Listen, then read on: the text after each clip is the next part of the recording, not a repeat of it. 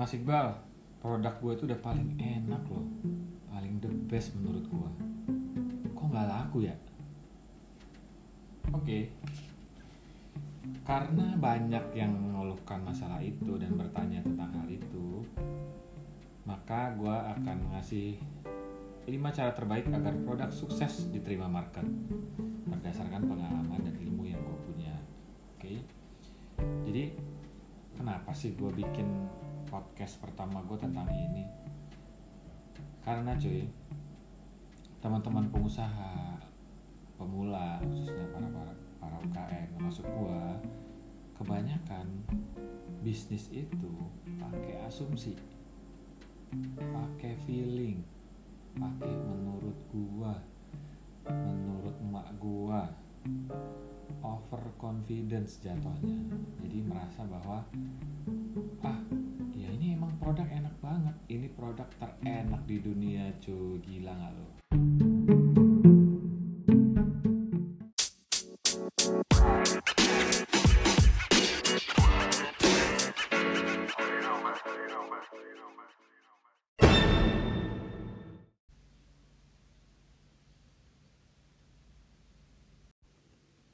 Mas Iqbal, produk gue tuh kan udah paling enak ya sedunia, udah paling the best menurut gue.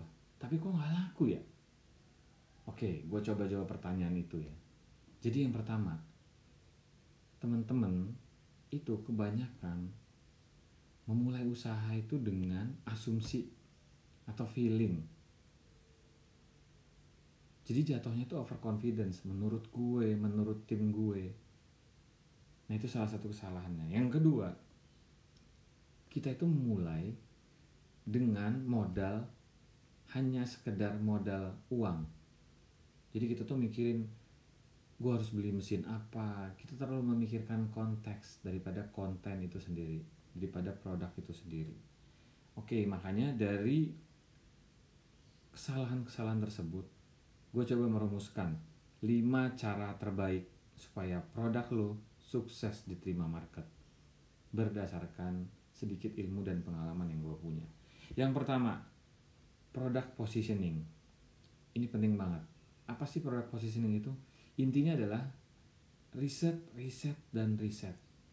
Riset itu ngapain sih?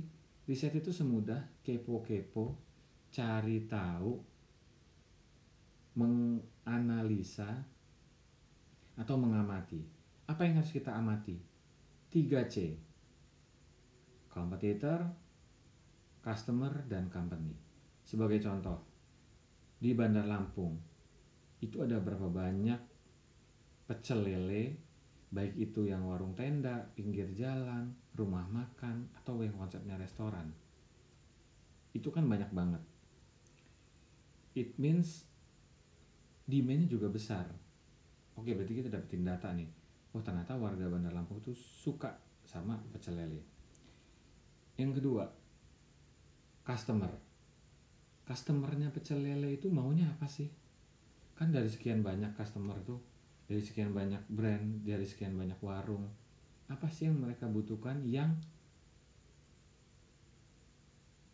kompetitor lain tuh nggak punya? Contoh misalnya, oh iya orang Lampung tuh suka banget sama sambal, itu customer suka banget sambal suka pedas. Tapi mereka pengen sambalnya tuh yang banyak karena di tempat lain tuh sambalnya dibatasin. Atau mereka jenuh sama nasinya. Nah itu kita dapat data dari customer dari company atau internal kita sendiri. Nah kita itu punya resource apa sih? Kita punya skill apa sih? Kita punya tim yang seperti apa sih? Kita punya kemampuan seperti apa sih? Dan dari data dan fakta yang kita dapatin itu kita bisa rumusin oke kita bisa buat diferensiasi celah produk yang disukain sama market yang ada pasarnya dan kompetitor tuh nggak ada. Dan kita juga punya kelebihan di situ. Oke itu yang pertama. Yang kedua setelah kita mendapatkan data kita harus validasi nih ide-ide produk tersebut. Sebagai contoh tadi oke berarti kita coba provide sambal sepuasnya dan variasi nasi. Karena itu yang dimauin market dan kompetitor nggak punya. Gimana caranya? kita mulai uji ngangenin kalau kata Mas Jaya. Kita sebar tester. Kita pakein white label. Kalau bahasa startupnya itu adalah MVP udah kita sebar aja kita jual murah atau kita tes blind test kita undang target market serupa atau calon customer kita kita cek kita uji kita blind test kita bandingin. Ini sambal punya gua ini sambal punya kompetitor kompetitor ini sambal kompetitor yang lain. Coba dibandingin di blind test di icip-icip menurut mereka enakan mana atau mereka pilih yang mana. Sampai ketemu mereka 90% itu suka sama produk kita. Yang ketiga, setelah white label atau MVP ini diterima market, kita harus patenkan. Patenkan itu apanya? Resepnya supaya nggak berubah-berubah lagi. Mungkin di awal dicobain ke orang, ah kurang pedas, ah ini masih kurang enak. Tapi kalau udah ketemu mayoritas calon customer kita ketika diicipin produk kita mereka, udah ini udah enak banget ini udah ngangenin ini udah mantap kita patenin jangan berubah-ubah lagi kita buatin SOP-nya lalu kita percantik. Yang tadinya kemasannya biasa aja yang tadinya packagingnya biasa aja yang tadinya fotonya biasa aja kita mulai percantik lagi. Kita mulai desain kita mulai poles karena secara produk sudah bagus. Ketika produk sudah bagus packaging dan tampilan sudah bagus artinya ini produk sudah siap untuk dilempar ke market. Caranya adalah dengan memviralkannya. Itu yang keempat. Cara memviralkannya gimana sih? Dengan membuat konten yang disukai atau dengan meluncing secara gila-gilaan. Massive repetition atau pengulangan-pengulangan yang besar, cut caranya gimana sih memviralkan sebuah produk itu banyak banget teman-teman. Kita bisa buatin giveaway kita bisa buatin um, salah sorry sorry. Yang keempat adalah viralkan.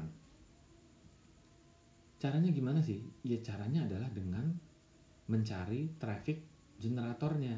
Nah traffic generator itu nah apa? Traffic generator itu adalah tempat di mana customer kita itu berkumpul. Nah, traffic itu bisa milik kita atau kita ciptakan atau bisa berbayar. Makanya di viral aduh. Oke, okay, sorry sorry sorry. Yang keempat adalah viralkan. Launching gila-gilaan. Massive repetition. Kita cari traffic di mana target market kita itu berkumpul kita bisa buat itu secara gratis maupun berbayar. Tips-tipsnya gimana nih? Kita bisa buatin giveaway, kita bisa buatin free 100 piring gratis atau kita bisa sebarin produk kita itu ke influencer-influencer ternama. Kita bisa posting testimoni atau feedback-feedback dari pelanggan yang puas yang sudah kita icipin. Kita kirimin ke artis-artis kita buatin event untuk launching produk intinya promosikan. Beritahu ke seluruh dunia kalau memang produk kita ini enak bagus dan layak untuk dikonsumsi. Oke? Dan yang terakhir yang kelima ini jangan sampai lupa. Jangan lupa untuk mengevaluasi. Kenapa? Karena ini yang menjaga operasional kita atau menjaga customer kita supaya balik lagi. Karena membuat produk enak sekali itu gampang. Tapi membuat produk itu ngangenin sampai orang beli lagi beli lagi dan beli lagi itu yang susah. Kita juga evaluasi dari sisi HPP atau harga. Ini profit atau enggak? Apa sekedar yang penting laku? Makanya di evaluasi ini penting untuk kita untuk membaca data. Lihat tren yang ada. Kalaupun ada kesalahan kita perbaiki dan ini yang namanya kaizen atau continuous improvement. Oke, itu lima cara terbaik supaya produk kita sukses diterima market. Kesimpulan dan sarannya adalah teman-teman semua, kita bisnis adalah olahraga maraton, bukan sekedar sprint. Jadi pastikan bisnis kita itu bisa sustain berkembang long lasting bahkan bisa diwakafkan atau diwariskan terima kasih. Itu saja dari gue. Sampai ketemu di materi-materi selanjutnya. Assalamualaikum